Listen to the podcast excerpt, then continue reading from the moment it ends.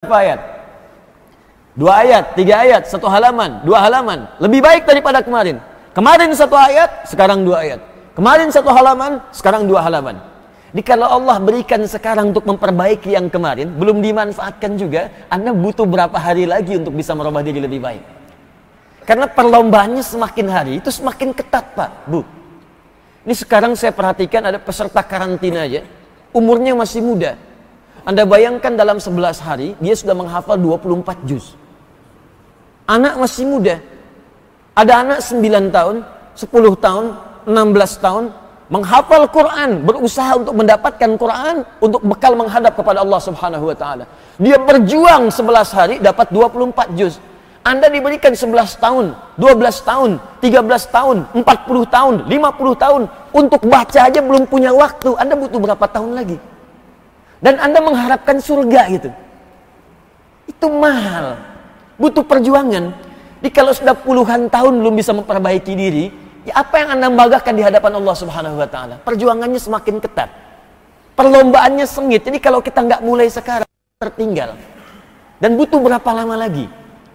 Maka itu kita selalu diajarkan doa yang tersambung dalam riwayat yang sahih ya kepada orang-orang sebelumnya. Ya Allahumma asli ahwalana, Allahumma asli ahwalana. Karena selalu dalam Al-Quran ketika kita ingin kembali kepada Allah diikuti kalimat islah. Taba wa aslaha. Taba wa aslaha. Orang tobat itu selalu islah. Memperbaiki dirinya, memperbaiki dirinya. Karena itu sebelum kita memulai kajian, kita coba ingin kuatkan dulu keimanan kita kepada Allah dengan komitmen. Setiap ada waktu berganti, jangan tunggu esok hari. Rencanakan buat nanti. Siang, apa yang Anda akan kerjakan dari amal saleh Asar ada rencana amalan apa? Tuliskan. Kalau perlu bikin kalender kegiatan kita. Bikin tahapan jangka pendeknya, menengahnya, jangka panjangnya. Apa yang akan kita lakukan di hari ini? Besok apa yang akan kita kerjakan? Untuk pekan depan seperti apa? Rencanakan dulu. Ketika kita niatkan, pahala dituliskan. Walaupun amal itu belum kita kerjakan. Niatkan malam ini insya Allah saya tahajud. Begitu maghrib meninggal. Tapi beruntungnya kita kalimat Nabi SAW di Al-Bukhari Nomor hadis yang pertama, riwayat dari sahabat Umar bin Al-Khattab radhiyallahu taala anhu, ternyata pahala dituliskan bukan pada amal yang telah kita kerjakan, itu bonusnya, tapi pada niat yang telah kita tanamkan, itu awal mula pahala diberikan. Qala Nabi sallallahu alaihi wasallam, "Innamal a'malu binniyat." Sungguh semua perbuatan yang kita kerjakan itu. Perhatikan detailnya kalimat Nabi, diksinya indah tuh. Kata Nabi an afsahul Arab baina anni min Quraisyin. Saya orang Arab yang paling fasih. Orang Arab yang paling fasih itu itu otomatis pembicaraannya selalu lekat dengan balaghah. Balaghah memiliki tiga jenis turunan ilmu. Ya, ada ma'ani, dua bayan, tiga badiah. Ma'ani adalah memilih diksi, pilihan kata yang sesuai dengan konteks. Pas pilihannya. Nabi tidak mengatakan innamal af'alu tapi Nabi mengatakan innamal a'malu. Innamal a'malu. Ingat beda antara a'mal dengan af'al. A'mal jamak dari kata amal. Af'al jamak dari kata fa'al. Amal itu kalau disertakan atau ditunjukkan pada perbuatan itu umumnya mengacu pada perbuatan makhluk hamba yang akan dipertanggungjawabkan di hadapan Allah Subhanahu wa taala. Jadi kalau disebutkan kalimat amal, jamak dari kata amal. Tidak disebutkan kata amal kecuali menunjuk pada perbuatan makhluk. Makhluk, hamba, hamba Allah subhanahu wa ta'ala. Tapi kalau kalimat fa'al, itu khususnya hanya ditujukan kepada khalik Allah saja. Kalau disebutkan pada hamba, berarti menunjuk pada perbuatan negatif hanya disebutkan pada perbuatan Allah saja. Karena itu di Quran disebutkan wallahu yaf'alu ma yurid, bukan ya'malu. Karena perbuatan Allah tidak dimintai pertanggungjawaban oleh siapa pun. Tapi manusia menggunakan kalimat amal. Amal. Wa may ya'mal mithqala dzarratin khairan yara. Ya, faman ya'mal mithqala dzarratin syarran yara. Menggunakan amal. Kenapa disebut amal? Karena semua yang kita kerjakan akan dipertanggungjawabkan di hadapan Allah Subhanahu wa taala. Jamaknya disebut amal. Amal terbagi dua. Yang baik disebut amal saleh, yang jelek disebut dengan amal salah, sayyi, sayyiat, ya.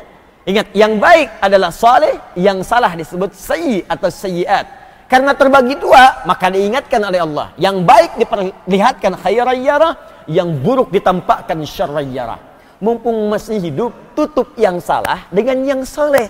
Karena semua itu akan ditampakkan. Anda silahkan sekarang punya pilihan. Berbuat soleh, silahkan.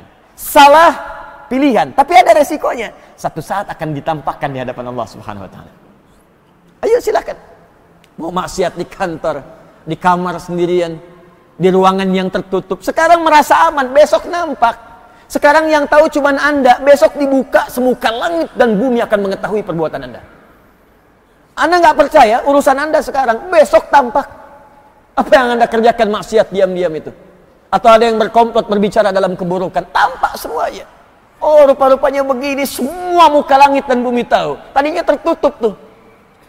Dibuka kemudian oleh Allah. Ah, dia tuh kelihatan rajin ikut ta'lim ternyata pencuri juga. Ternyata maksiat juga. Ternyata orang ini kriminal juga. Dibuka. Karena itu sebelum itu ditampakkan edit dari sekarang film kita nanti. Kalimat-kalimat buruk dubbing. Cari kata-kata yang baik. Adegan-adegan yang buruk sensor dengan taubat. Minta kepada Allah dihapuskan itu. Wa yukaffir anhu sayyi'atihim. Dihapus oleh Allah semua keburukannya. Bagaimana caranya? Kembali kepada Allah dalam kebaikan. Dan cara memulai itu tidak ada yang lain kecuali dengan pengetahuan, ilmu. Orang tobat tanpa ilmu, mustahil tobatnya bisa sempurna. Orang ibadah tanpa ilmu, mustahil ibadahnya sempurna. Karena itu orang bersyahadat pun kalimat pertama perintah dari Al-Quran untuk mencari ilmu guna menguatkan syahadatnya. Quran surah ke-47 ayat ke-19. Fa'lam annahu la ilaha illallah fa'lam maka mesti punya ilmu fil amr ketahuilah kalau diteruskan dengan terjemahan sorofnya maka mesti punya ilmu untuk menguatkan la ilaha illallah bahwa tidak ada Tuhan selain Allah yang layak dipertuhankan dan disembah. Kalau tak ada ilmu nanti syahadatnya cuma di lisan. Karena di lisan maka bisa dirubah dengan kalimat-kalimat lain yang muncul ke lisan kita itu yang disebutkan di Quran surah ke-49 ayat ke-14. Tidak cukup syahadat cuma di lisan tapi harus ditembuskan ke dalam jiwa. Qalatil a'rabu amanna. Sebagian orang Arab Badui berkata kami beriman. Qul kata Allah katakan Muhammad sallallahu alaihi wasallam lam tu'minu. Kalian belum serius imannya. Walakin qulu aslamna. Tapi katakan dulu baru masuk Islam. Baru masuk Islam itu artinya baru syahadat walamma yadkhulul imanu fi qulubikum. Sementara imannya belum sampai ke dalam jiwanya. Kalau iman mau sampai ke dalam jiwa, maka isi dengan pengetahuan. Isi dengan ilmu. Jadi kalau imannya sudah sampai ke jiwa, cirinya begini nih. Iman masuk ke dalam hati. Nanti iman yang di hati ini akan membimbing tubuh untuk beramal soleh. Mata, kalau ada iman di mata kita, nanti iman ini akan naik ke mata. Membimbing mata, nih bagaimana cara melihat yang benar. Makanya mata ketika melihat disebutkan imannya dulu. Quran surah 24 ayat 30 itu laki-laki. 31 untuk perempuan. Qul mu'minina katakan pada pria-pria yang beriman, yaghuddu min absarihim. Imannya itu akan membimbing matanya untuk melihat yang baik dan memalingkan pandangan itu dari yang tidak baik. Wa qul mu'minati katakan pada perempuan-perempuan yang beriman, yaghuddna min absarihinna maka iman dalam jiwanya itu akan membimbing matanya hanya melihat yang baik saja. Jadi kalau di mata kita ini dibimbing oleh iman, arahnya semua baik pandangan. Yang jelek dialihkan. Makanya senang lihat masjid. Senang orang beramal soleh kita lihat. Senang memandang Al-Quran. Senang memandang wajah orang-orang soleh. Karena matanya itu dibimbing iman. Tapi kalau imannya tipis atau tidak ada iman, maka mata ini nggak ada arahnya Pak, Bu. Semua dilihat. Bahkan maksiat pun ada yang menikmati. Gambar-gambar buruk dinikmati. Berpaling susah. Kalau ada iman gampang. Lihat WhatsApp, media sosial, gambar gak bagus. Astagfirullah, tutup. Apa nih berita gak benar. Bahkan handphonenya kadang dibeginikan. Tuh. Ya. Tapi kalau imannya tipis, memang lisannya istighfar, tapi matanya nggak belok-belok. Astagfirullah. Zaman sekarang memang ada-ada aja. Astagfirullah. Astagfirullah cuman begini gitu. Lisan juga begitu. Ya ayyuhalladzina amanu la yasraq qaumin qaum. Ya ayyuhalladzina amanu la yaghtab ba'dukum ba'dha. Quran surah 49 ayat 11 sampai 12. Jadi imannya dulu, iman, iman, iman, iman, iman. Nah kalau imannya tipis, apalagi cuma di lisan nih, nggak sampai ke jiwa, nggak jadi bimbingan, kadang-kadang bisa keluar lagi dengan kalimat-kalimat yang lainnya. Makanya dikasih sarimi, pindah agama. Tuh. Diberikan kata-kata lain yang cuma di lisan, aku mencintaimu, murtad. Kok bisa gitu? Ya. Di saya kemarin baru dari Inggris. Berapa tempat? Inggris kan kota maju ya negara maju. Kotanya juga Manchester di London kota maju-maju. Di Kanada berapa waktu lalu juga maju. Ya di New Zealand maju. Itu masya Allah di negara maju banyak yang masuk Islam. Saya dapat berita kemarin di salah satu tempat saja di London itu sehari dua orang minimalnya masuk Islam sehari di New Zealand setelah peristiwa di Christchurch itu, ya banyak masuk Islam. Dia anda bayangkan di negara yang maju lebih maju dari Indonesia pada masuk Islam. Jadi kalau di Indonesia yang tidak lebih maju dibandingkan dengan Inggris, belum maju dibandingkan Kanada, ada yang keluar dari Islam aneh. Aneh karena yang maju-maju pada masuk Islam. Nah, makanya cari ilmu untuk menguatkan itu.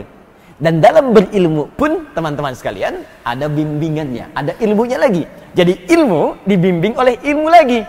Untuk mendapatkan ilmu yang maksimal bagaimana supaya cepat dipahami, sampai ke jiwa, mudah diamalkan. Karena ada orang yang belajarnya susah, susah juga mengamalkan.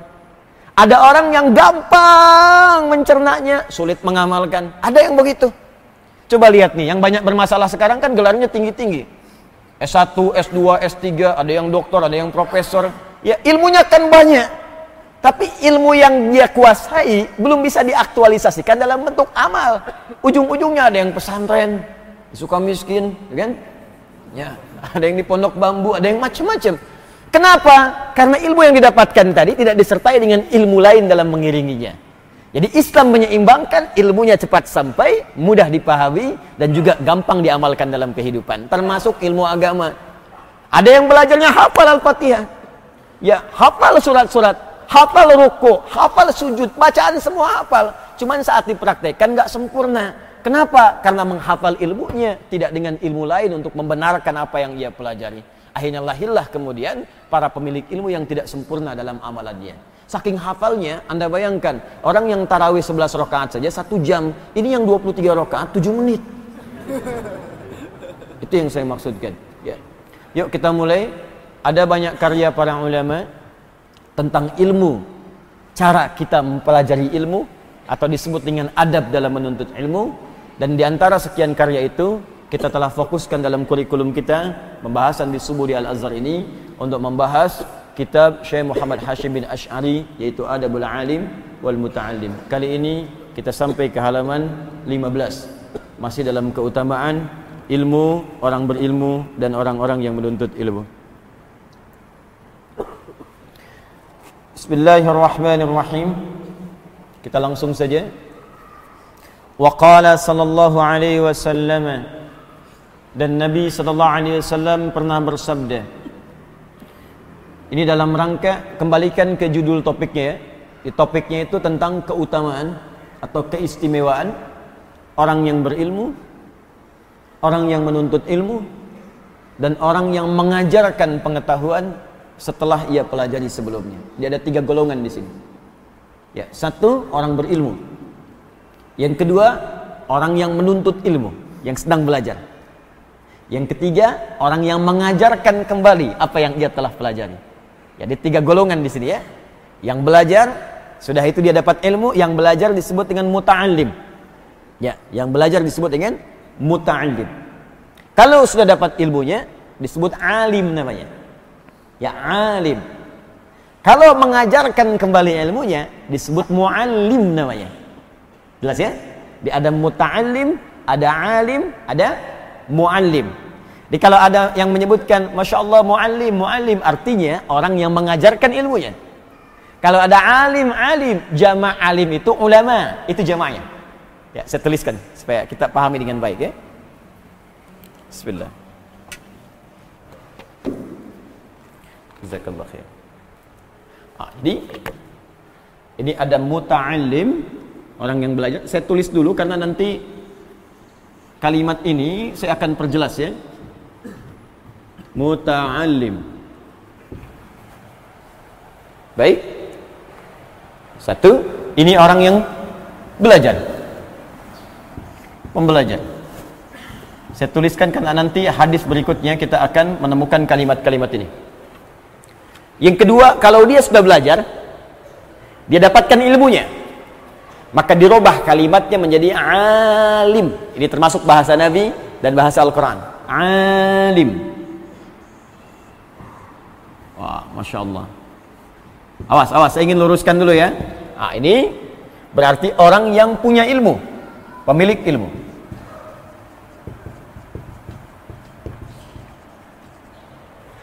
Awas. Uh, dia alim banget eh, alim. Ya, Ya, alim yang dimaksudkan itu bukan rajin ibadah. Karena ada orang menyebut orang rajin tahajud, gitu kan?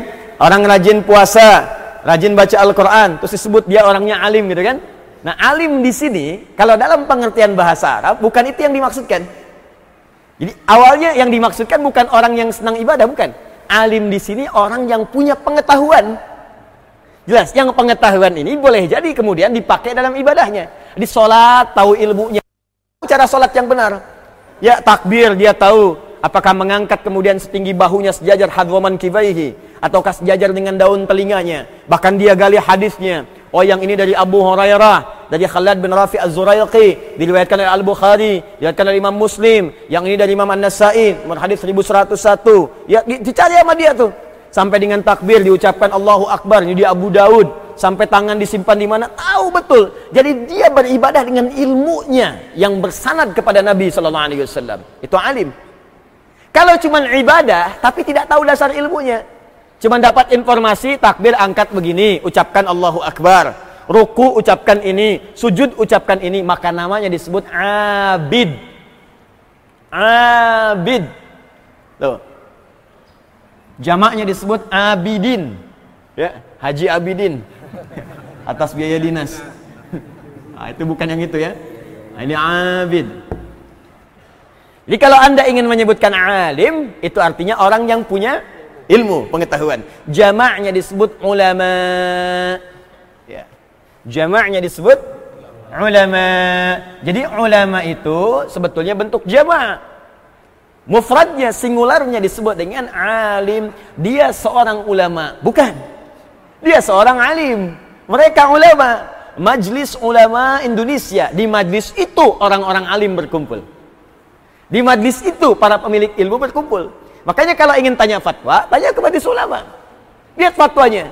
Ada alim di bidang tafsir, alimul tafsir, alimul Quran, alimul hadis, alimul fiqih, alim usul fiqih, alim qawaid fiqih. Kumpul semua di situ karena kumpul orang-orang alim dijamakkan namanya ulama.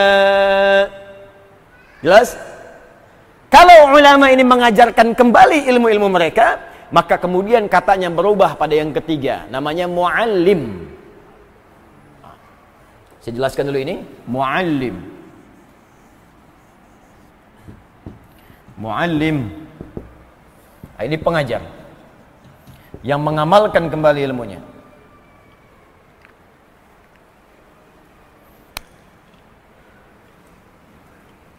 Ah, jadi di bab ini Syekh Hasim ya ingin menampilkan tentang pujian-pujian Nabi Sallallahu Alaihi Wasallam tentang keistimewaan khususnya tiga golongan ini. Nanti kita temukan ada yang keempat nanti kita akan lihat ya. Teman-teman, jadi oleh Nabi orang-orang yang senang belajar, orang-orang yang telah tahu pengetahuan dan orang-orang yang mengajarkan pengetahuan itu oleh Nabi diistimewakan dibandingkan dengan kalangan-kalangan biasa. Jadi kalau Anda masuk satu di antara tiga ini, atau nanti ada golongan yang keempat, menjadi bagian dari ini, maka berbahagialah karena Anda termasuk golongan yang dipuji dan diistimewakan oleh Nabi Sallallahu Alaihi Wasallam. Dikala yang muji Adi Hidayat, jangan bangga dulu. Jangan bangga dulu. Karena boleh jadi menurut ukuran ustadz lain, apa yang disampaikan seorang Adi Hidayat bisa berbeda. Tapi kalau yang memuji Nabi, seorang manusia mulia, yang bahkan langsung dipuji oleh Allah, wa innaka la'ala khuluqin azim. Engkau akhlakmu begitu mulia.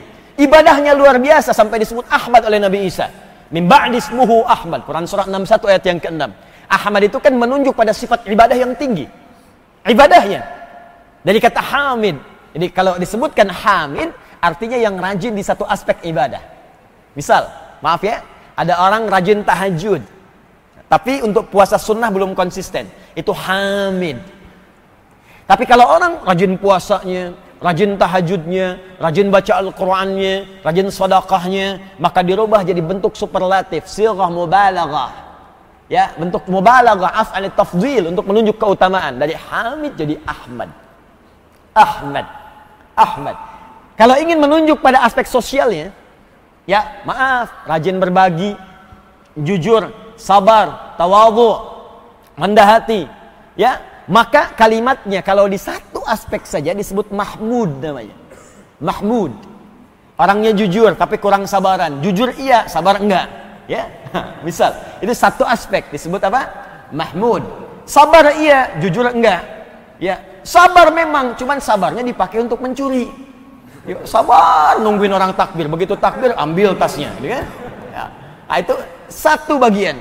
Tapi kalau kemudian digunakan pada aspek yang baik seluruhnya dan banyak terkumpul, maka dirubah kalimatnya menjadi bentuk superlatif, sirah mubalaghah. Dari Mahmud jadi Muhammad. Muhammad. Dan Nabi Muhammad memiliki keduanya, Muhammad dan Mah eh, Ahmad. Muhammad disebutkan empat kali dalam Al-Quran. Quran surah ketiga ayat 144, Quran surah ke-33 ayat ke-40, dan Quran surah ke-47 ya dengan namanya ayat yang kedua serta Quran surah ke-48 ayat ke-29 Muhammadur Rasulullah. Dengan Ahmad sekali disebutkan. Jadi Muhammad menunjuk aspek sosial, Ahmad menunjuk aspek untuk ibadahnya, ritual. Dua-duanya sempurna. Tinggi sampai kata Nabi Isa. Nabi Isa kenapa menyebut Ahmad? Karena Nabi Isa itu punya kemiripan di aspek Muhammad, baik pribadinya.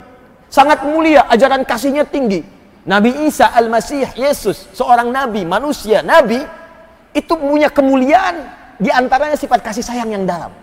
Ajaran kasihnya tinggi. Makanya saya sering katakan sebuah kisah beliau lewat dengan murid-muridnya. Begitu lewat kemudian di samping satu sungai yang sedang mengalir itu ada bangkai binatang yang sudah membusuk. Kata muridnya guru ini bau sekali bau sekali bangkai ini. Ya kata Nabi Isa alaihi salam Uh, lihat betapa putih giginya. Kata muridnya, Anda kenapa melihat giginya? Bukankah bau busuknya? Kata Nabi Isa, karena manusia hanya mengeluarkan apa yang dipikirkannya. Jadi kalau kita pikirkan baik, maka keluar di lisan kita baik. Tapi kalau kita pikirkan tidak baik, keluar di lisan kita yang tak baik. Di sini ada kata-kata mutiara, kemudian teko hanya mengeluarkan isi tekonya. Dari kalimat ini tadi. Dia anda bayangkan pada hewan yang telah jadi bangkai pun beliau masih melihat yang baiknya. Ya, dan ada ramalan di kitab sebelumnya bahwa ada nabi yang terakhir akan datang dengan sifat kemuliaan secara kasih dan sosialnya. Dikira beliau nabi terakhir karena punya kemiripan dengan Nabi Muhammad sallallahu alaihi wasallam. Nabi Muhammad jangankan pada hewan, pada tumbuhan dalam suasana perang kata beliau walaupun sedang emosi jangan cabut tanaman. Sedang Anda ingin nyembelih hewan, saat akan nyembelih pun kata Nabi sallallahu alaihi wasallam, "Ah, tajamkan pisaunya supaya tidak menyakiti hewannya." Jadi masih dipikirin hewan itu supaya nggak sakit. Supaya nggak menzalimi hewan saat menyembelih.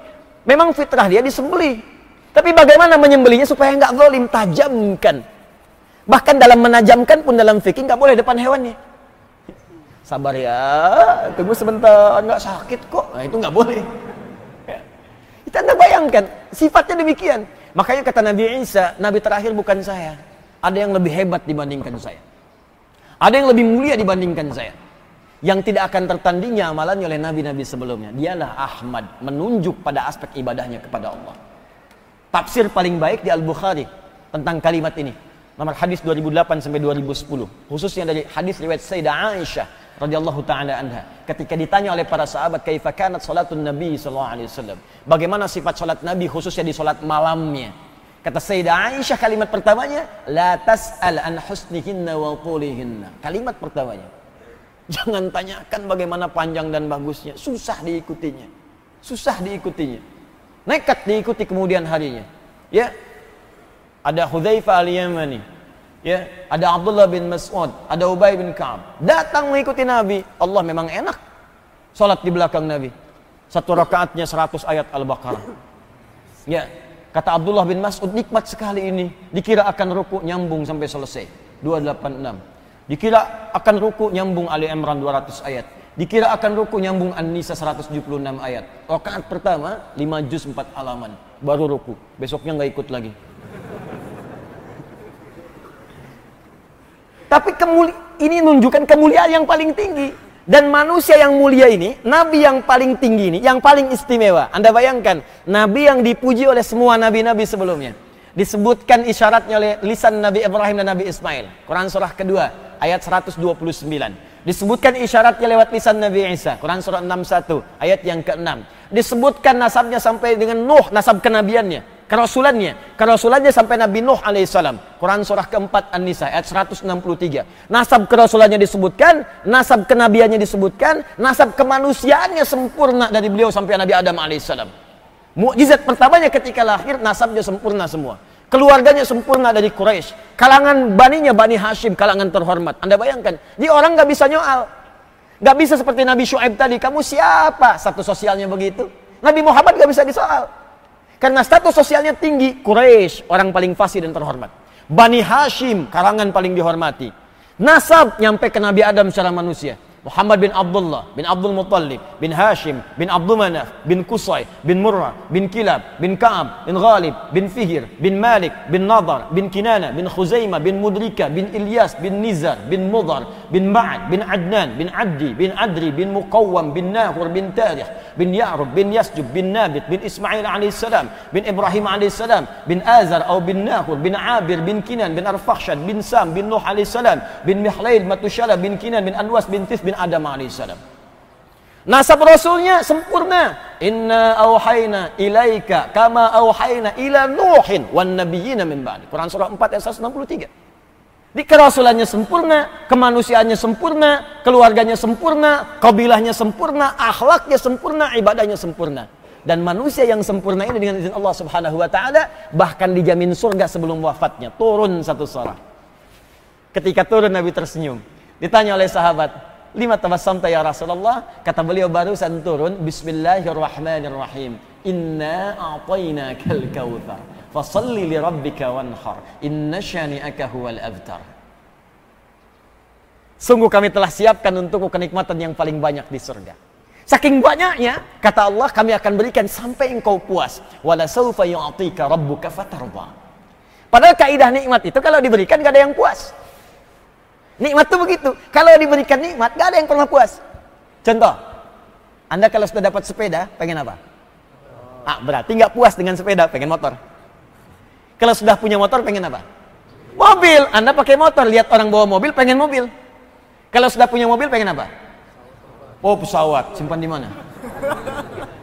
Nikmat tuh begitu. Nikmat tuh kalau sudah dapat, pengen lagi. Sudah umroh, pengen haji. Sudah haji, pengen haji lagi. Ya, sudah nikah, Ya pengen punya anak. Tuh. Yang ini bu, yang ini bu.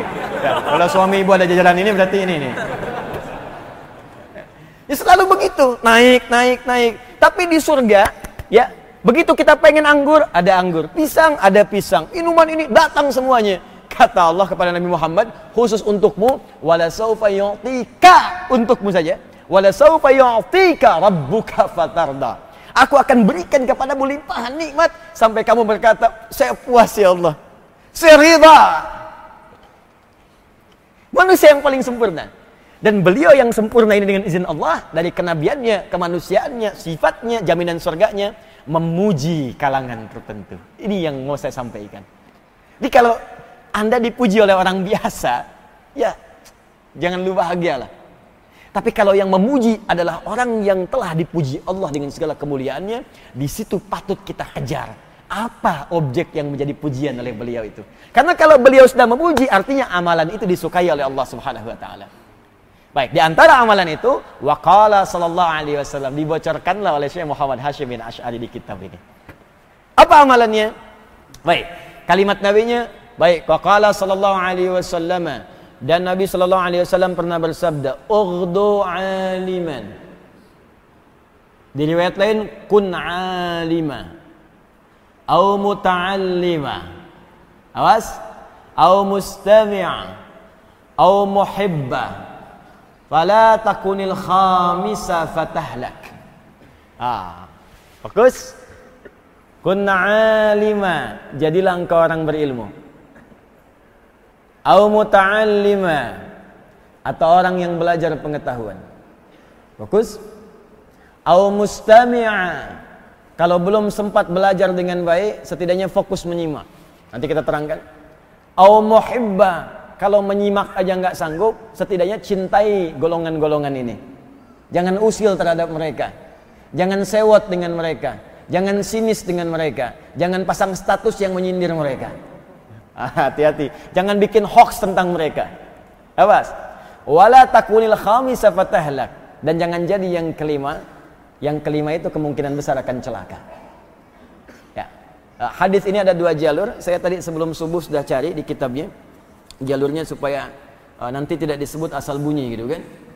Nah, ini ada dua jalur. Jalur pertama di kitab uh, Mu'jam As-Saghir At-Tabrani juz yang kedua halaman 63. Kemudian Al-Baihaqi dalam kitab Syu'abul Iman juz ketiga halaman 265. Ya, jalurnya dari Abi Bakrah dari bapaknya dari Nabi sallallahu alaihi wasallam. Ini yang disebutkan di hadis tadi di kitab Adabul Alim Muta'alim. Jadi Syekh Hashim bin Asy'ari ngambilnya dari sini. Ya. Kalau ingin cek juga yang ini, ada kalau dalam bentuk satu kitab karangan Ibnu Abdul Bar. Ya, Al-Jami fi Bayanil Ilmi wa Fadlih. Nomor 117. Ya, nomor 117. Saya sudah cek dengan sanadnya. Ya, dengan sanadnya. Saya bacakan sanad uh, sanadnya. Bab qauluhu sallallahu alaihi wasallam kalau pakai mubtada kemudian dia khabar dibuka lagi dengan mubtada maka kita bab, baca bab qauluhu. Ya, hadza babun qauluhu sallallahu alaihi wasallam. Tapi kalau kita baca mudhaf mudhaf ilaih bab qaulihi sallallahu alaihi wasallam al-alim wal muta'allim syarikani. Ya, bab alim menerangkan tentang orang berilmu dan orang yang punya ilmu keduanya satu partner bersamaan. Bab tentang al-alim wal muta'allim syarikani. Bunyi hadis lengkapnya di halaman ke-14. Yang paling bawah itu, nyambung ke halaman 15 paling atas di kitabnya, di kitab Syekh Hashim yang ini. Ya. Al-alimu wal muta'allimu ya kahadhihi min hadhihi wa jama'a bainal musabbahati wallati taliha syarikani fil ajri. Ya, wala khaira fin nasi ba'dahu. Ya, coba lihat bukunya. Saya sudah hafalin itu kitabnya. Ya, cuman kadang-kadang saya bawa untuk menunjukkan. Kadang orang suka tanya ini uh, karangan sendiri apa ada di kitab gitu. Anda cek aja kitabnya kalau saya salah, Anda betulkan di situ. Ya, halaman 14 paling bawah. Waqala sallallahu alaihi wasallam dan Nabi sallallahu alaihi wasallam pernah bersabda, "Al-alimu wal muta'allim." Orang yang punya ilmu dengan yang belajar pengetahuan itu kahadhihi min hadhihi. Keutamaannya bergandengan seperti telunjuk, ya, dengan yang menyertainya jari tengah. Dari mana tahu telunjuk? Disebutkan wajah ma bainal musabbahati wallati taliha.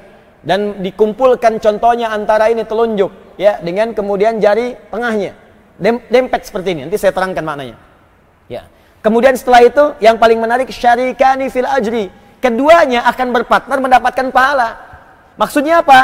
Ya nggak mungkin ada alim bisa mengajar kalau nggak ada muridnya. Nggak mungkin ada murid kalau nggak ada gurunya jadi jadi guru itu jangan sombong juga kalau nggak ada murid nggak bisa jadi guru dan jadi murid pun jangan sombong. Kalau nggak ada guru, nggak bisa belajar. Makanya murid dengan guru itu sama-sama belajar. Tapi kata Nabi, belajarlah untuk berpartner mendapatkan pahala dari Allah Subhanahu wa taala. Di situ saling mengisi. Makanya ulama-ulama dulu itu saling mengajak dengan muridnya itu saling mendoakan. Karena kalau dua kemisinya udah bagus, murid doakan ulamanya, ulama doakan muridnya, murid doakan gurunya, guru doakan muridnya. Maka betul kalimat Nabi syarikani fil ajri, keduanya berpartner untuk mendapatkan pahala dari Allah Subhanahu wa taala. Guru mengajarkan, dari pengajaran dapat pahala. Murid menerima, mencatat dapat pahala. Mengamalkan dapat pahala. Nanti akan Anda akan dapatkan hadis berikutnya. Orang yang menulis pelajarannya saat dia belajar, maka setiap tinta penanya akan dihisab oleh Allah Subhanahu wa taala. Seperti darah syuhada dihisab di yaumil kiamah. Midadal muta'alim wa damu syuhada. Midadal alim wa damu syuhada di riwayat lain. Jadi orang yang belajarnya benar diniatkan karena Allah dan ingin mengamalkan ilmunya, belajar fikih salat dia catat supaya bisa mengamalkannya. Belajar fikih zakat dia catat supaya bisa mengamalkannya. Itu bukan hanya cara belajarnya. Setiap tinta yang dia tuliskan itu akan dihisab oleh Allah Subhanahu wa taala menguatkan timbangan mizannya. Ya. Ah, kembali kepada hadis, saya sebelum terangkan isinya, saya bahas sanadnya dulu. Kenapa saya bahas sanad supaya Anda tahu ini hadisnya ada enggak dari Nabi sallallahu alaihi wasallam. Ya, jadi supaya kita tidak mengatakan yang sia-sia. Ini jangan-jangan bukan dari Nabi, bukan. Ini hadis Nabi sallallahu alaihi wasallam tadi ditemukan dalam kitab Syu'abul Iman, ditemukan juga dalam Mu'jam At-Tabrani dan di riwayat lain, saya sebutkan riwayat lain, ya disebutkan juga dengan riwayat berbeda. Saya bacakan sanadnya. Haddatsana Abdullah bin Muhammad bin Abdul Mu'min, ya.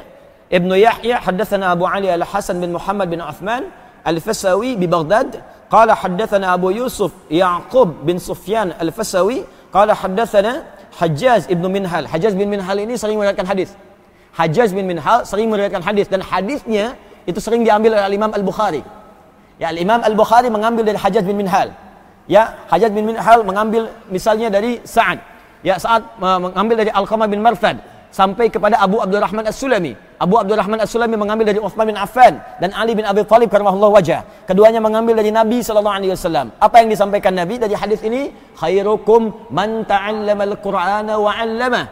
Di antara kalian yang paling baik adalah orang yang belajar Quran dan mengamalkannya. Di antara contoh hadis Hajjaj bin Minhal. Jadi kalau saya sampaikan Hajjaj bin Minhal berarti orangnya thiqah. Ya, karena hadis lain pun yang diriwayatkan oleh Hajjaj diambil oleh Imam Al-Bukhari. Baik. Teruskan. Sebentar.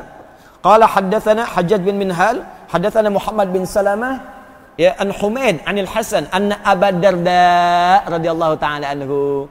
Yang pertama dari Abi Bakrah dari bapaknya, yang kedua dari Abu Darda radhiyallahu taala anhu. Dari Al Hasan dari Abu Darda dari Nabi sallallahu alaihi wasallam. Riwayatnya Abu Bakrah dari bapaknya menggunakan kalimat ughdu aliman seperti di kitab Syekh Hashim. Riwayat yang dari Abu Darda menggunakan kalimat kun aliman au muta'allima. Bedanya satu pakai urdu, yang kedua pakai kun. Jelas? Kenapa saya sampaikan dua riwayat ini? Karena nanti ada sebagian ahli hadis yang menyebut riwayat yang pertama menggunakan urdu aliman menyebut statusnya dengan dhaif marfu'. Marfu' statusnya dhaif hadisnya lemah karena marfu langsung diangkat kepada Nabi sallallahu alaihi wasallam oleh Abu Bakrah dari bapaknya langsung ke Nabi. Siapa yang menilai dhaif di antaranya? Kita bacakan Al-Haythami dalam kitab Majma' Zawaid, juz pertama nomor hadis nomor halaman 328. Ya rijaluhu mauthukun, rijalnya mauthuk, semuanya thiqah, orang-orang tadi. Cuman sayang langsung diangkat ke Nabi, statusnya marfu. Hadis yang langsung disandarkan pada Nabi ada beberapa jalur riwayat yang terputus. Disebut dengan marfu, hadisnya dhaif. Al-Ajluni ya juga mengatakan marfu' dhaif. Abu Zar'ah al-Iraqi mengatakan dhaif. Syekh Albani dalam kitab Silsilah al-Hadis ad-Dhaifah mengatakan dhaif. Ya, di halaman eh, yang ke-6 nomor hadis 337. Eh, juz yang ke-6 ya halaman 337. Ya, cuma gini, kalau Anda nggak belajar ilmu hadis, cuma dengar dhaif, dhaif, dhaif, ke sebagian orang yang tidak tahu ilmunya. Catat kalimat ini. Sebagian orang yang tidak mengerti, nggak tahu ilmu sampai menyimpulkan daif, jangan amalkan. Daif, tinggalkan. Kita belajar dulu ilmu hadis. Tidak semua hadis yang disebut daif itu kemudian langsung kita tinggalkan. Tidak begitu cara memahaminya. Kembalikan ke ilmu hadis, mari kita pelajari hadisnya. Jika ada hadis dipandang daif dalam satu riwayat, maka Anda cari riwayat lain. Adakah riwayat lain yang diriwayatkan oleh orang yang lain yang menguatkan hadis itu? Saya ulang. Jika Anda temukan satu hadis, terus menyebutkan do'if. Kenapa do'if nih? Karena ada satu rawi yang hilang, nggak ketemu nih. Langsung diangkat ke Nabi. Tiba-tiba dari tabi'in, ya nggak ke sahabat dulu, langsung ke Nabi misalnya. Ya, ada yang hilang. Jangan langsung disimpulkan, do'if, jangan amalkan. Cari dulu, ada nggak hadis lain yang bisa menguatkan riwayat hadis ini ditemukan oleh orang berbeda yang sampai sumbernya kepada Nabi. Dalam ilmu hadis disebut syahid namanya. Syahid. Hadis-hadis lain yang menguatkan riwayat ini. Cari dulu. Kalau ditemukan, maka akan mengangkat status hadis yang tadi naik dari dhaif setidaknya menjadi hasan atau bahkan sahih. Kenapa? Karena dikuatkan oleh riwayat lain yang dia sampai kepada Nabi. Kalau dalam secara fisik tuh, ya satu yang langkahnya itu kurang bagus, ditopang oleh orang lain yang sehat, maka dia bisa berjalan bersamaan. Ada satu orang jalannya pakai tongkat, lambat. Tiba-tiba ada orang kuat, suka fitness. Ya, Masya Allah. Apa bedanya fitnah dengan fitness? Kalau fitness ke gym, kalau fitnah ke jam. Ada orang badannya besar, suka fitness, ya kan? Kemudian kuat badannya, ah, itu orangnya sehat. Dalam bahasa Arab sehat disebut sahih. Nah, sahih itu sehat. Sahih itu sehat. Ya, sahih sehat. Kalau lemah badan, lemah, kaki lemah disebut baif. Ya, baif. Yang satu pakai tongkat, yang sehat datang. Mau ke mana pak? Mau ke sana. Berapa lama lagi jaraknya? Sekilo. Kelamaan pak jalannya, nggak akan nyampe. Bapak mau ngapain? Ustadz Adi. Jalan pakai tongkat, jarak masih sekilo. Gitu kan? Ya, kelamaan. Kapan dimulai taklim pak? Jam 5. Wah pak, sekarang ada udah jam 5 kurang 5. Bapak nyampe sana udah bubar. Saya gendong aja, gendong, jalan, uh, kecepatan meningkat. Masya Allah begitu kecepatan meningkat, baru jalan 10 meter datang orang pakai mobil.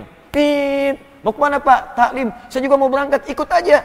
Sepites-pitesnya orang, sekuat-kuatnya, pakai mobil masih kalah mobil. Mobil nggak usah fitness, jalan kenceng ada nyampe dia.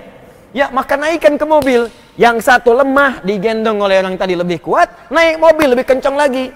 Hadis daif diriwayatkan oleh seorang nggak nyampe ke Nabi datang orang lain lebih dekat masanya ke Nabi gendong datang yang lebih dekat lagi gendong lagi cepat boom nyampe nyampe lah riwayatnya ke Nabi Wasallam Daif naik ya jadi kemudian Hasan Hasan naik lagi jadi sayli ghairihi naik lagi bisa jadi sahih naik naik naik naik nah hadis yang diriwayatkan oleh beliau ini yang diambil dari kitab Al-Jami tadi ya di Bayanil Ilmi wa Fadlihi karangan Ibnu Abdul Bar dikuatkan lagi riwayatnya kalau dirujuk ke kitabnya langsung.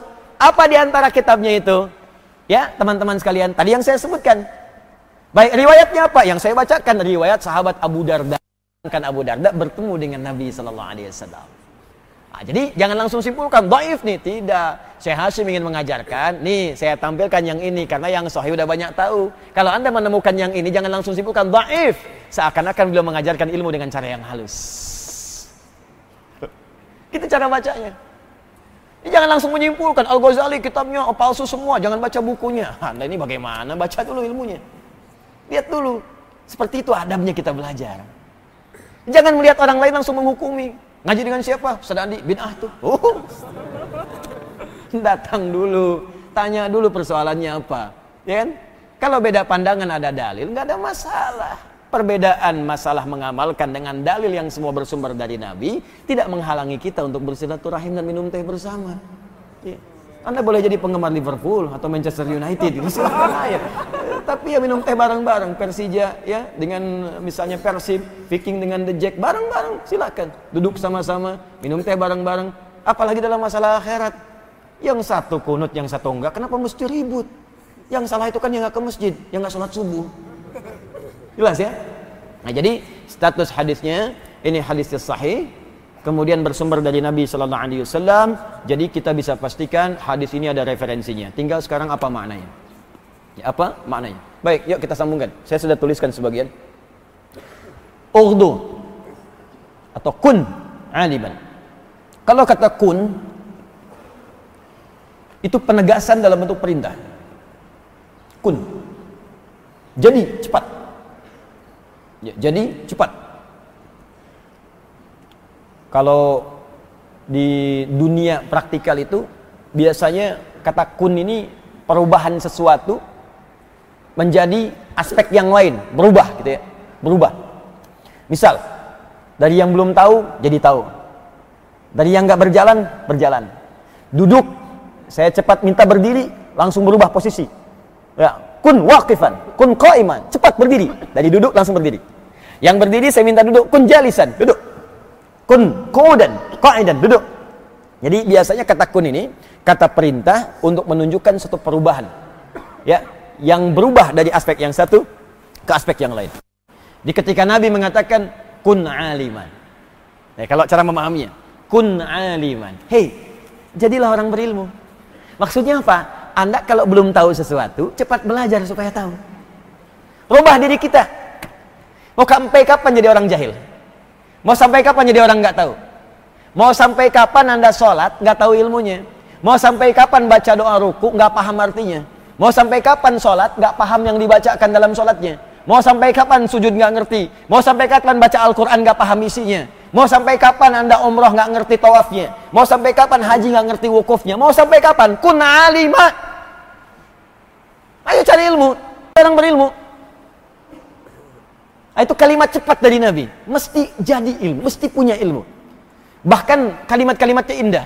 Al-ilmu qabla al-amal. Sebelum beramal cari ilmu dulu. Bahkan dipetakan ilmunya. Seperti teman-teman mau jadi apa ke depan? Apakah karirnya di birokrat? Di diplomasi? Mau jadi ustadz? Mau jadi insinyur? Mungkin cita-cita dulu. Kalau perlu yang paling tinggi, dari situ kemudian petakan turunan ilmunya. Itu yang diajarkan para ulama kita. Makanya dibikin cita-citanya mau jadi apa nih? Oh ibu, dari sejak kecil bu, bahkan di Quran itu bu, dari sejak seorang ibu mengandung, itu orang tua haruslah berdiskusi anaknya mau diarahkan ke mana. Dibuat cita-cita. Yaitu ada di Quran surah ketiga. Ya, ayat ke-35 sampai dengan 37. Idh qalat imra'atu Imran rabbi inni nadhartu laka ma fi batni muharrara fataqabbal minni. Ketika istrinya Imran setelah berdiskusi dengan suaminya, ya ketika beliau mengandung, istrinya Imran mengandung Hanna, diskusi dengan suami, "Papa, anak kita nih mau jadi apa nih yang ini? Yuk kita arahkan supaya dekat dengan Allah ya." Khusus yang satu ini kita jadikan ahli ibadah. Khusus yang satu ini kita dekatkan dengan Allah. Kita harus punya tabungan akhirat, guna mulanya di syafaat di akhirat dengan izin Allah. Maka Hanna berdoa dalam kandungan anaknya itu dikandung. Hanna berdoa istrinya Imran, Rabbi inni nadharutu laka ma fi batni muharrara. Fataqabbal minni. Ya Allah, saya bernazar, anak yang saya kandung yang ini saya akan bebaskan dari urusan dunia. Nggak akan saya jadikan ya Allah jadi pecinta dunia.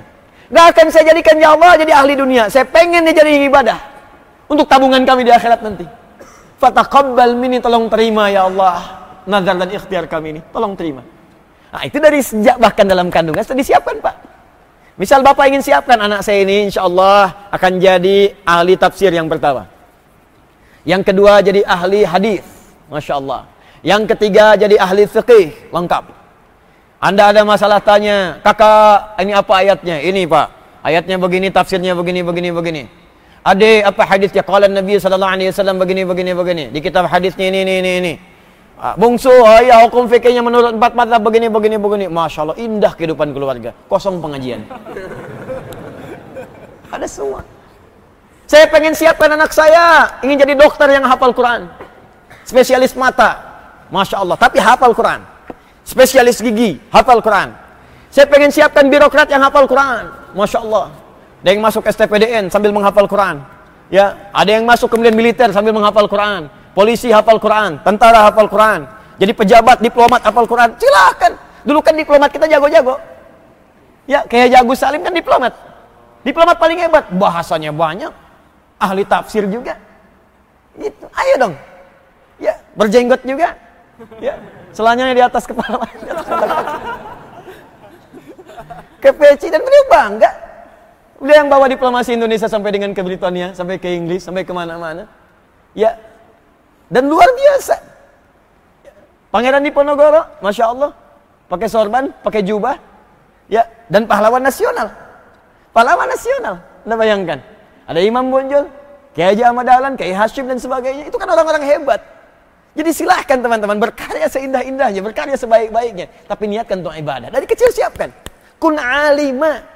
Ketika anda sudah punya cita-cita, siapkan ilmunya. Karena itu, Hannah tidak mencukupkan dengan berdoa. Anak saya pengen jadi ahli ibadah. Bagaimana caranya? Cari ilmunya. Maka dicari guru yang bisa mengajarkan dia supaya dekat dengan Allah. Dipilih Nabi Zakaria. Wa kafalaha Zakaria. Tempatkan di tempat yang mendekatkan dia dekat dengan Allah. Dibikin mihrab. Ya. Fataqabbalaha rabbuha biqabulin hasanin. Wa ambataha nabatan hasana. Wa kafalaha Zakaria. Kullama dakhala alaiha Zakaria al-mihrab. Gitu caranya. Jadi kalau anda sekarang ingin dapatkan misalnya, anak saya pengen jadi dokter yang hafal Quran. Apa tingkat paling tingginya? Oh, dia masuk UI, masuk Undip. Oh, sekarang tapi kan baru lahir. Ya, baru lahir. Siapkan dulu. Oh, kalau lahir dari kecil bacakan Quran dulu. Beli speaker aktif, bacakan. Setiap satu bulan satu juz, satu juz, satu juz, satu juz. 30 bulan 30 juz. Anak ini sudah mendengar 30 juz. Dan seorang bayi yang terlahir fungsi pendengaran itu yang paling utama dibandingkan penglihatannya. Begitu 30 bulan sudah mendengar 30 juz, kata para pakar dia hanya membutuhkan 6 bulan untuk hafal 30 juz sempurna. 3 tahun hafal Al-Quran. Setelah selesai, mulai berikan pendidikan dini. Sekolahkan, cari KB yang bagus. KB yang mengajarkan dekat dengan Allah. KB yang mengajarkan nilai-nilai kebaikan. Ajarkan akhlaknya, motoriknya, naik ke TK. TK cari SD-nya yang bagus. Ngajarkan sholatnya. Kuatkan Qurannya lagi. Masuk pesantren atau masuk sekolah yang lain. Dekatkan lagi. Cari yang mendekatkan ke kedokteran tadi. Baru masuk kampus. Jadi begitu masuk kampus, Quran sudah hafal. Fikih kedokterannya sudah paham. Jadi begitu jadi dokter, bukan cuma dokter fisik, tapi juga dokter yang bisa menentramkan keadaan roh. Karena kebanyakan orang penyakitnya disebabkan karena keadaan rohnya yang gersang dibandingkan dengan fisiknya yang luka. Ya. Bahaya sakit roh itu. Iri hati itu, iri, itu sakit roh. Bukan sakit fisik. Dan gak ada obat di apotek. Nggak ada poli iri. Poli gigi ada, poli iri hati nggak ada. Ya, silakan cek. Poli dan ditemukan. Poli ria nggak akan ada. Ya, dok, kepala saya pusing. Yang pusing kan fisik. Sakit rasanya. Malam sulit tidur. Gejalanya apa pak? Itu gejalanya kalau teman saya beli kulkas baru, pusing saya. Dia bawa pakai mobil baru pusing saya. Ya, itu nggak akan ditemukan. Tapi karena dokter ini hafal Quran resepnya. Quran surat sekian, ayat sekian. Hadis Nabi SAW. Baca. Selesai. Penjelasan apoteknya Masjid Al-Azhar. Ustadznya Fulan. Datang. Selesai. Ya, saya pernah tanya sama dokter mata. Dok, apa ciri mata yang sehat? Kita punya kelas-kelas Quran untuk teman-teman dokter. Kata dokternya, Ustadz kalau pandangannya jelas, awas, gak pakai alat bantu, sempurna. Dari segi optik pantulan bayangannya bagus sempurna. Oh, saya bilang saya banyak yang temukan begitu. Di masjid juga banyak. Cuman sayang ketika keluar dari masjid dia nggak bisa bedakan mana sendal dia, mana sendal orang. itu kenapa? Nah, itu urusannya berbeda. Makanya kun aliman. Jadi orang berilmu. Anda mau jadi karirnya apa silakan, passionnya apa silakan. Mau dagang, cari ilmu dagang dulu. Pengusaha, cari ilmu dulu. Diplomasi, birokrasi, cari ilmu dulu. Mau jadi ustadz, apalagi? Cari ilmu. Bahkan urusan mau belajar pun cari ilmu. Kun aliman, jadi orang berilmu. Jadi jangan sampai Anda mengerjakan sesuatu nggak tahu ilmunya itulah. Bahasa dasarnya demikian. Nah, kemudian redaksi yang kedua, urdu aliman. Urdu. Gada yaghdu. Gada, kalimat gada itu tidak disebutkan kecuali menunjuk pada sesuatu yang paling awal. Paling duluan. Ya, uh, hadis At-Tirmidzi nomor hadis 586. Man shallal ghadata fil jama'ati aw fil masjid. Siapa yang menunaikan salat ghadat? Ini hadis tentang salat syuruk. Ya, siapa yang menunaikan salat ghadat? Ghadat di sini subuh maksudnya. Siapa yang menunaikan salat subuh dengan berjamaah atau di masjid? Thumma yaqudu yadhkurullah. Kemudian dia nggak langsung pulang, duduk berzikir kepada Allah. Zikir itu bisa baca Quran, Quran surah 15 ayat 9, bisa berdoa, Quran surah 7 ayat ke 205, bisa istighfar, kalimat thayyibah, Quran surah ke 4 ayat 103, ya bisa juga anda lakukan misalnya dengan sholat. Kalau ada sholat sunnah Quran surah ke-20 ayat 14 bisa juga dengan mengkaji menuntut ilmu ya. Duduk belajar melihat mengamati Quran surah ketiga ayat 190 sampai 191 ada banyak. Di kalau anda habis sholat subuh kemudian ikut ta'lim mengaji berdoa baca Quran dan sebagainya kemudian hatta bidayat duha sampai datang di awal duha saat bayangan satu tombak ya. Kemudian dia salat dua rakaat Ya, bayangan satu tombak itu ketika matahari naik, naiknya disebut isyraq. Posisinya disebut syuruk. Di setelah melewati masyrik tempat terbit, haram hukumnya sholat saat matahari terbit. Naik dia, bayangan satu tombak, naiknya disebut isyraq. Ya, posisi satu tombak, satu tombak disebut syuruk namanya. Syuruk ini adalah bidayatul duha, awal duha. Salat duha dibagi tiga, awal duha, pertengahan duha, akhir duha. Di salat syuruk itu salat awal duha. Gak ada syuruk, yang ada sholat duha, iya awal duha disebut syuruk Joni. Ya. Jadi syuruk itu awal duha. Orang yang bisa syuruk yaitu sholat di awal duha dua rakaat pahalanya ka ajri hajin wa umratin senilai dengan haji dan umrah. Sempurna, sempurna, sempurna. Ya, tapi bukan haji dan bukan umrah, senilai dengan haji dan umrah. Ke mana Pak? Kok subuh-subuh amat berangkatnya? Mau haji dan umrah? Di mana? Di Al Azhar, bukan syuruk senilai haji dan umrah. Nah, sholat subuhnya disebut sholat ghadat. Ghadat. Kenapa disebut ghadat? Karena ini sholat yang pertama kali dikerjakan dalam rangkaian sholat. Kenapa disebut ghadat? Karena kita diminta untuk berburu sholat ini datang di awal waktu. Karena itu kalau orang tahu keutamaan sholat subuh kata Nabi, dia akan datang dengan merangkak. Datang, pengen datang. Merangkak maknanya dua. Merangkak di sini satu, banyak orang berjalan, datang berkerumun sehingga jalannya lambat seperti orang merangkak. Saking pengennya subuhan. Yang kedua, orang yang kesulitan pun akan datang walaupun dia merangkak. Ya, datang dengan merangkak. Saking pengennya dapat pahala subuh. Datang di awal waktu. Setiap yang dilakukan di awal disebut ghadat. Ghadat, ghada, yaghdu, ghadatan, wa ghadaan. Ya, kamu sedang digoda di awal waktu. Ghada, bahasa Arab. Ya. Ghada di awal waktu. Kalimat perintahnya, ughdu. Kalimat Nabi ini, ughdu aliman. Jadilah engkau orang berilmu. Tapi disebutkan dengan kalimat ughdu, bukan cuma kun kun meminta kita berubah, bertransformasi jadi orang berilmu, urdu meminta kita menjadi pionir untuk melakukan itu di awal waktu. Jadi kalau ada pengajian, datang yang paling awal. Ini Ustadz siapa nih di Al-Azhar jam 7, Ustadz Pulan. Oh datang paling awal, datang setengah 7.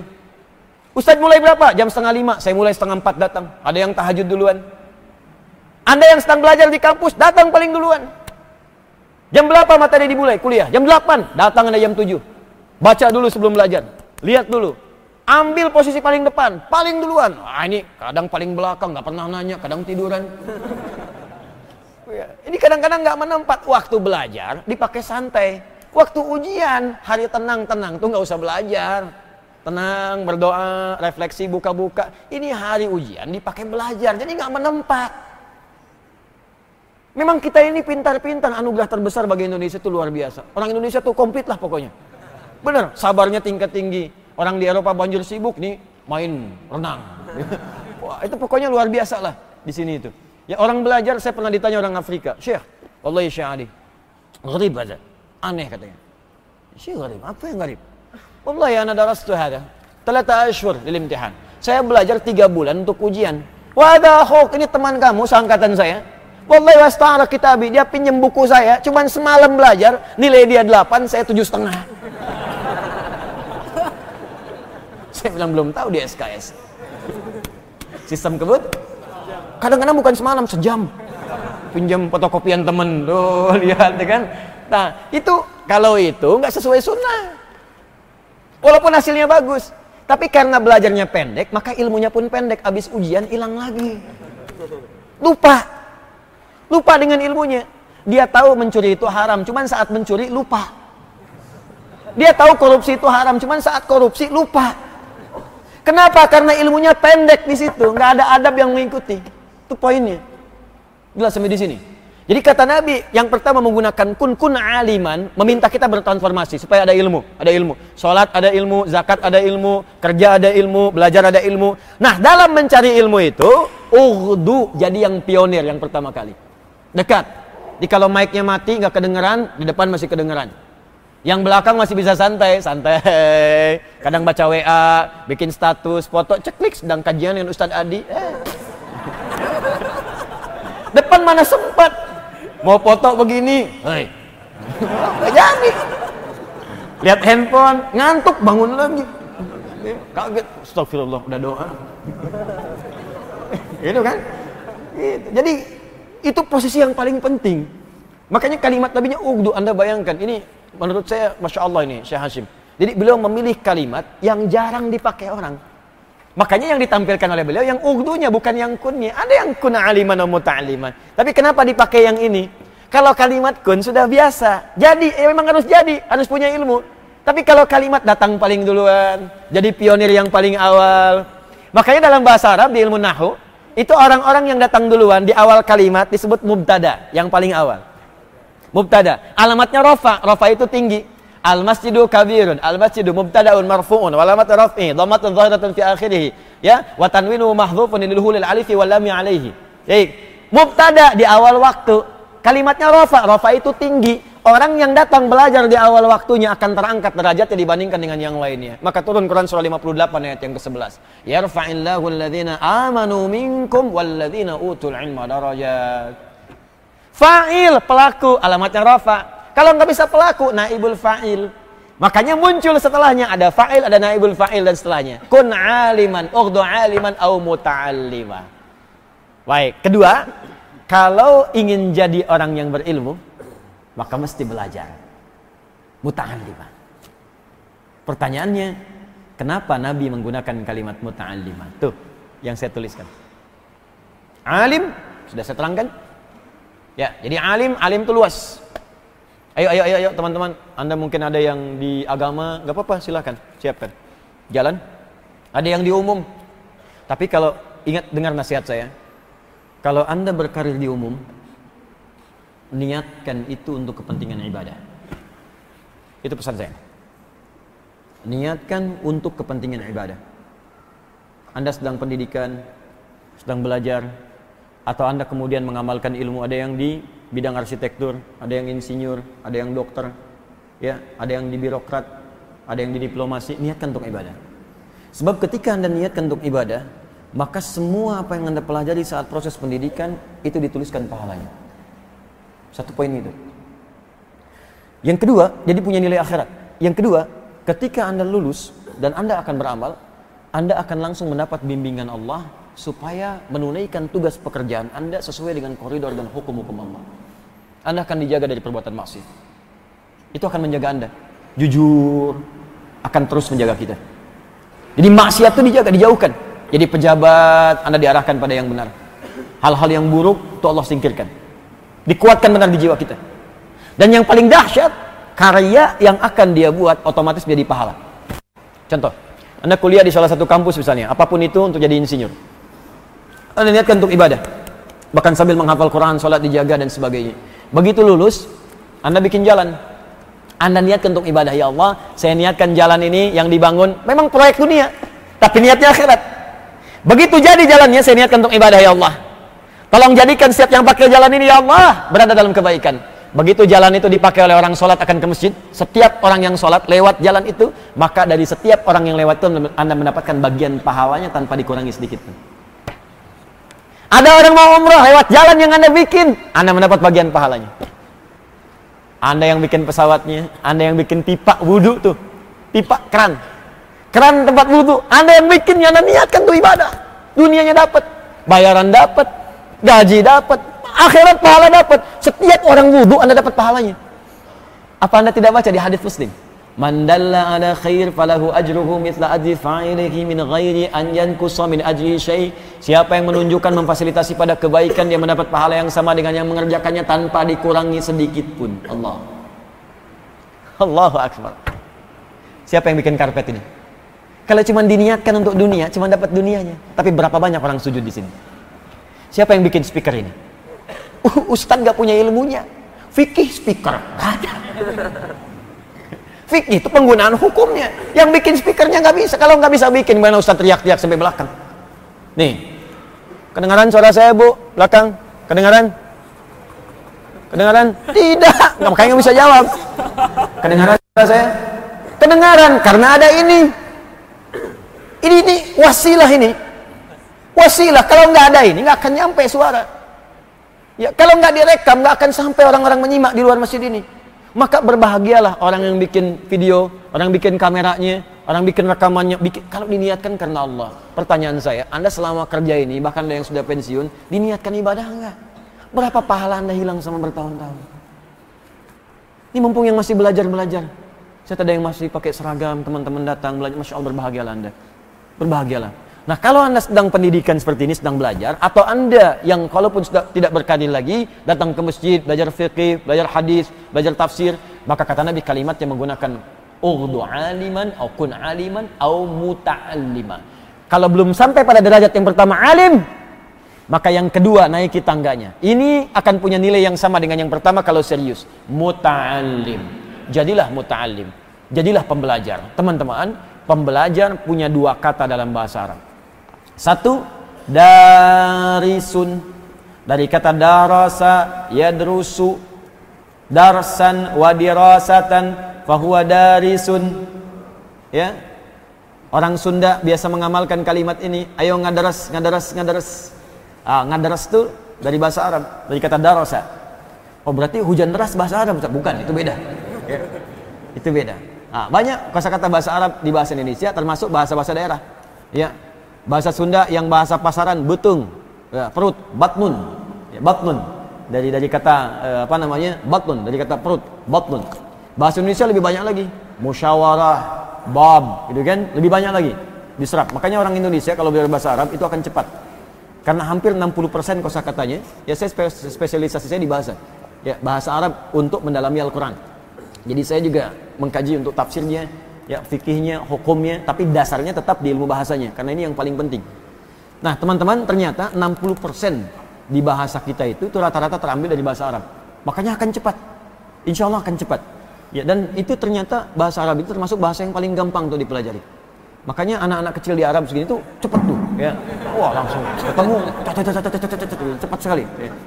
Ya, burung beo dibawa ke Arab tuh sana di Mekah tuh bisa tuh ya dua hari tiga hari ajarin. Kayak haluk? Ketemu orang Arab ya halak? Alhamdulillah Nabi khair. Ente men min, min aina anta? Min al jannati wan nas. Ya wah, itu pokoknya cepatlah beo jadi kalau beo aja bisa masa kita susah? Ya masa kita susah. Nah, itu darasa ya terusu ada yang kedua ta'allama ya ta'allamu ta'alluman fahuwa muta'allim. Ta'allama. Jadi ada darasa. Darasa tempatnya disebut madrasah ya darasa. Darasa. Tempatnya disebut madrasah. Ada ta'allama.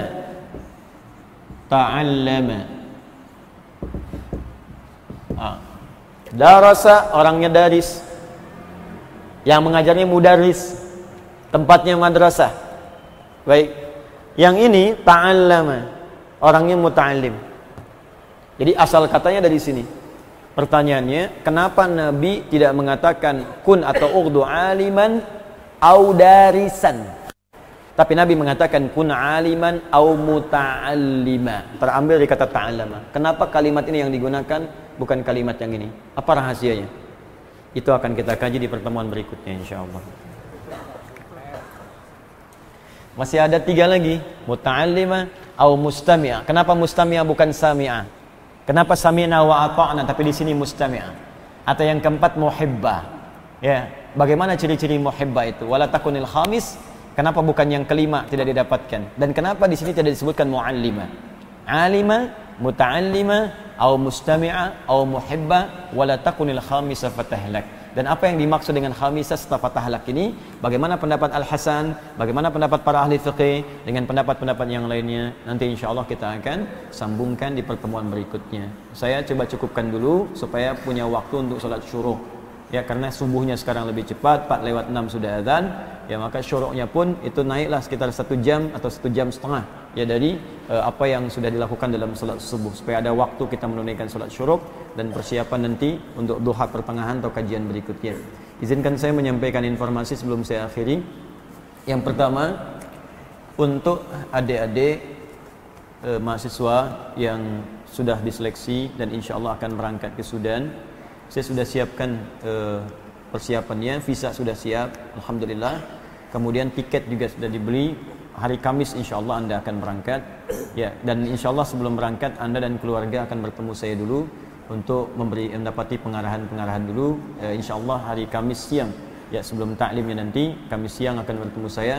Dan malamnya Anda sekitar jam 20 lewat eh, 50 atau 10 menit sebelum jam 9 malam insya Allah akan bertolak menuju Sudan ada 25 orang dan nanti akan menyusul sekitar 9 sampai 10 orang lagi untuk di kampus Tajul Hafidin. Yang ini akan di kampus Jami'ah Afriqiyah. Ya, amanah saya tolong siapa pun belajar dengan baik, serius seperti apa yang telah saya ajarkan supaya Anda pulang jadi ulama. Pulang jadi ulama, berbakti kepada agama, berbakti kepada bangsa, pada negara, buat yang baik-baik dan teruskan apa yang telah saya bangun. Jika Anda pulang saya telah tiada atau saya wafat, Anda teruskanlah Makanya saya jadikan semua yang telah dibangun itu wakaf, wakaf untuk umat Islam. Tapi wakaf itu bukan sembarangan Anda pakai. Ya, ada pengurusnya, ada legalnya dan macam-macamnya. Jadi kami sedang bangun pesantren, bangun pusat keislaman, bangun center. Sekarang kita siapkan lahan kurang lebih, kita sedang akuisisi, mudah-mudahan e, bertahap kita dapati. Ada sekitar 10 hektar yang sedang kita coba akuisisi. Tapi desainnya sudah siap semuanya dan insya Allah mudah-mudahan 3-4 tahun ke depan sudah jadi. Jadi begitu itu jadi, anak-anak ini akan pulang Ya, ada nanti yang di Madinah sedang kuliah, ada yang Mesir ada, yang di Sudan ada, Istanbul ada. Jadi saya pengen dari beberapa negara kumpul kampus-kampus berbeda supaya nanti ilmunya bisa saling melengkapi satu dengan yang lainnya. Di mudah-mudahan mereka nanti akan menggantikan di masa depan. Kemudian yang kedua, Bapak Ibu insya Allah kita nanti ada wisuda akbar di bulan Desember bulan depan. Ya mungkin nanti uh, kita akan atur waktunya sebaik mungkin. Di bulan Desember ini akan ada dua kegiatan. Kegiatan pertama wisuda uh, untuk peserta karantina yang sedang menghafal Quran dengan metode at-taisir. Alhamdulillah ada yang hafal 24 hari 25 hari. Dan ini mungkin ada rekor nih yang kedua yang sekarang ini karena saya lihat 11 hari sudah 24 juz. Ya ada yang 12 mungkin 12 13 hari dia selesai 30 juz ya ada juga yang ibu sudah sepuh ya ada yang 64 tahun bu usianya bu ikut yang angkatan sekarang saya lihat. Yang kemarin ada yang usia 40 tahun dihafal 78 hari. Ya ada yang beberapa yang lainnya lagi. Nanti itu mereka akan diwisuda dan dipakaikan mahkota-mahkotaan. Ya mudah-mudahan itu terbawa sampai akhirat nanti gitu ya. Nah, kita undang juga keluarganya dan semua keluarga Quran di Indonesia kita akan undang. Karena ada agenda yang kedua saya sekarang sedang menyiapkan buku buku khusus untuk membimbing menghafal Quran 30 juz 30 hari tapi bisa dikerjakan di tempat masing-masing. Ya karena ada banyak orang ikut ingin ikut karantina cuma tempatnya terbatas beberapa tempat tapi kadang kami siapkan perbaiki lagi ya disiapkan sebaik mungkin ada yang bertanya bayar nggak Ustadz? Nggak, nggak bayar karena untuk urusan Quran saya tidak eh, apa namanya tidak terkait dengan masalah-masalah materi. Anda hanya memenuhi kebutuhan Anda saja. Kebutuhan makan itu Anda siapkan. Ya kebutuhan baju Anda cuci dan sebagainya. Hanya itu saja. Pengajarnya saya tidak memperkenankan mereka untuk mendapati apa pun. Ya kita mengharap pahala dari Allah Subhanahu wa taala. Jadi kalaupun ada biaya-biaya itu untuk Anda saja, untuk makan, untuk apa dan sebagainya. Kalau tidak ada sama sekali nanti saya siapkan bulan Desember kalau belum ikut nanti di situ ada buku khusus Lalu saya berikan panduan dan saya ajarkan langsung di karantina akbar namanya. Bagaimana cara menggunakan itu dan kita sama-sama berniat punya target minimal dalam target lima tahun ke depan insya Allah kita semua menjadi ahli Quran yang menghafal Quran. Di saat orang banyak mengejar dunia dalam lima tahun lima tahun kita kejar akhirat untuk menjadi orang-orang yang dimuliakan oleh Allah Subhanahu Wa Taala dan saling bersinergi jangan saling mencela. Boleh jadi ada orang-orang di dunianya ini beramal untuk kebaikan kita juga. Jadi hindari celaan-celaan, hindari hal-hal yang tidak positif. Saatnya sekarang kita e, berkontribusi untuk kebaikan-kebaikan pribadi kita, agama kita dan bangsa kita dengan izin Allah Subhanahu wa taala. Saya kira itu yang disampaikan teman-teman sekalian. Mudah-mudahan bisa bermanfaat. Kita akhiri dengan bermohon kepada Allah Subhanahu wa taala. Semoga dengan permohonan ini doa-doa kita diijabah dan dimuliakan oleh Allah sesuai dengan apa yang kita harapkan. الحمد لله رب العالمين الرحمن الرحيم مالك يوم الدين إياك نعبد وإياك نستعين اهدنا الصراط المستقيم صراط الذين أنعمت عليهم غير المغضوب عليهم ولا الضالين. اللهم صل وسلم وبارك على رسولك الكريم نبيك الأمين سيدنا محمد وعلى آله وصحبه وذريته أمتي إلى يوم الدين. ربنا لا تدع لنا في مقامنا هذا وفي كل مقام ذنبا إلا غفرته ولا هما إلا فرجته ولا دينا إلا قضيته ولا مريضا إلا شفيته ولا عاصرا إلا يسرته. ولا حاجة من حوائج الدنيا والآخرة فيها لك رضا وفيها لنا الصلاح إلا قضيتها يا أرحم الراحمين Ya Allah jika ada pendosa di masjid ini atau di sekitaran masjid ini maka mohon ya Allah dengan segala keikhlasannya ampuni segala dosa-dosanya jika ada orang ya Allah ahli maksiat di tempat ini maka bimbing dia untuk bertobat sebelum dia wafat ya Allah jika ada orang mendapati kesulitan di tempat ini maka mohon ringankan dan hilangkan kesulitannya jika ada orang sakit di tempat ini ya Allah atau kerabatnya tetangganya keluarganya maka mohon sembuhkan dan angkat penyakitnya ya Allah jika ada orang terlilit utang piutang di tempat ini maka ringankan hidupnya berikan rezeki untuk dapat melunasi utangnya. Allahumma ya arhamar rahimin alimna ma yanfa'una wafiqna bima ta'allamna wafiqna lina amala ma ta'allamna bih. Ya Allah mohon bimbing kami untuk bisa mendapatkan pengetahuan. Ya Allah bimbing kami untuk memahami apa yang kami pelajari dan bimbing kami untuk mengamalkan apa yang telah kami pahami. Allahumma ja'alna min ahli al-Quran waja'alil ya Allah sahiban lana fid dunya wa syafian lana fil akhirah. Ya Allah jadikan kami termasuk ahli Quran. Jadikan Al-Quran teman kami di dunia syafaat bagi kami di akhirat. Allahumma alhiqna bis salihin. Alaihim min nabiyyin wa siddiqin wa syuhada'i was salihin wa hasuna ulaika rafiqa wa khasatan ma'a Rasulillah sallallahu alaihi wasallam Ya Allah kumpulkan kami bersama orang-orang baik orang-orang yang kau ridai terutama kalangan para nabi orang-orang saleh para syuhada orang-orang jujur di akhirat nanti terkhusus dengan Rasulullah sallallahu wahidna wa ya Allah janib dan ya Allah satukan kami dalam satu saf yang baik jauhkan dari perpecahan dan berikan kami cintamu ya arhamar rahimin.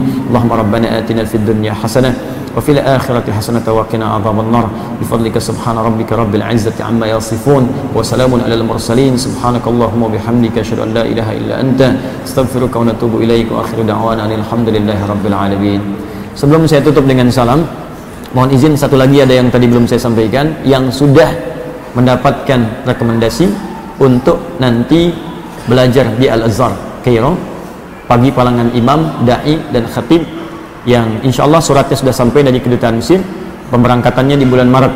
Ya satu Maret insya Allah ada gelombang-gelombang untuk berangkat dan semua akomodasi ditanggung insya Allah jadi ada program untuk da'i ya khatib dan juga para imam yang sudah uh, siap dan insya Allah pemberangkatan satu Maret berkasnya sudah kami terima. Terima kasih. Assalamualaikum warahmatullahi wabarakatuh.